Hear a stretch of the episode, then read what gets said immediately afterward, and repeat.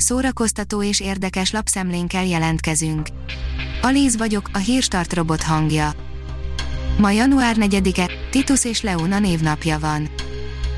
A MAFA oldalon olvasható, hogy George Clooney új szifie hasít a Netflixen, hatalmas rekord van születőben. George Clooney igazi filmes polihisztor, aki nem csak színészként mutatta már meg tehetségét, de rendezőként is egyre több munkát vállal, és nem ritkán e két mesterséget egyszerre űzi filmjeiben. Erre jó példa a karácsony előtt bemutatott új filmje, az Éjféli égbolt is, amely a Netflixen debütált és már is sokan rekordról beszélnek. Félreértettük Molnár Piroska visszavonulását, írja az NLC ahhoz képest, hogy márciusban még arról olvashattunk, hogy Molnár Piroska visszavonulni készült, most egy napi sorozat, a keresztanyu nem is akármilyen címszerepében láthatjuk viszont, de hogy jutott el a visszavonulás gondolatától idáig, természetesen ezt is megkérdeztük tőle. A könyves magazin írja, Bukowski gyűlölte a 9 és 5 között tartó taposómalmot. Sár Bukowski utálta a 9-től délután 5-ig szóló munkarendet, és borzasztóan örült, amikor végre kiszabadulhatott a mókus kerékből, mindez a kiadójának írt leveléből derült ki, amelyet a Far Out magazin publikált ismét. A Librarius írja, elhunyt Claude Bolling.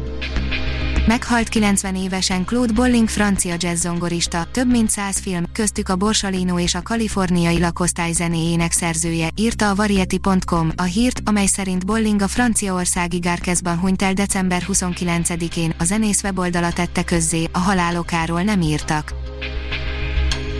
Rekordot ért el a női filmrendezők aránya 2020-ban, írja a tudás.hu rekordot ért el a legnagyobb bevételű amerikai filmek női rendezőinek aránya 2020-ban egy új amerikai tanulmány szerint. A kutatást a San Diego-i Állami Egyetemnek a nők televíziós és filmes munkáit és helyzetét elemző központja végezte.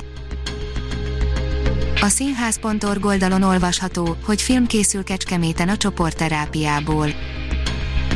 Cseke Péter rendező, a Kecskeméti Nemzeti igazgatója elárult néhány kulisszatitkot a produkcióról, a Nemzeti Filmintézet gyártási támogatásával színházak, valamint filmesek együttműködéséből készülhetnek izgalmas crossover művek. A kultúra.hu oldalon olvasható, hogy Verebes István, hátraarc. Verebes István könyve hitvallás a színházról, hátraarc, mondja a cím, de szeretném úgy érteni, hogy nem hátat akar fordítani a színháznak, a vezényszó inkább arra vonatkozhat, hogy nézzünk hátra jó pár évtizednyit a múltba, támadjanak fel kollégák, barátok, idéződjön fel, amit érdemes megfontolni a történtekből. Az IGN írja, Milla Jovovics lánya akkorát játszott a fekete özvegyben, hogy mindenki könnyekben tört ki legalábbis Milla Jovovics szerint, aki el is nevezte őt Bébi özvegynek. Nyomd, Bébi özvegy, nyomd, a színésznő szerint, amikor az emberek látják majd a filmet, nagyon le lesznek nyűgözve a játékától. A színház online oldalon olvasható, hogy 156 éves lett az SFE, mécsesekkel ünnepeltek. Január 2-án lett 156 éves a Józsefvárosban működő Színház és Filmművészeti Egyetem, amelynek diáksága és tanárai ellenállnak annak, hogy az intézményt megfosztották autonómiájától. Rémálmainkba illik a Hamburgi Elbphilharmonie újévi imásfilmje, írja a Fidelio.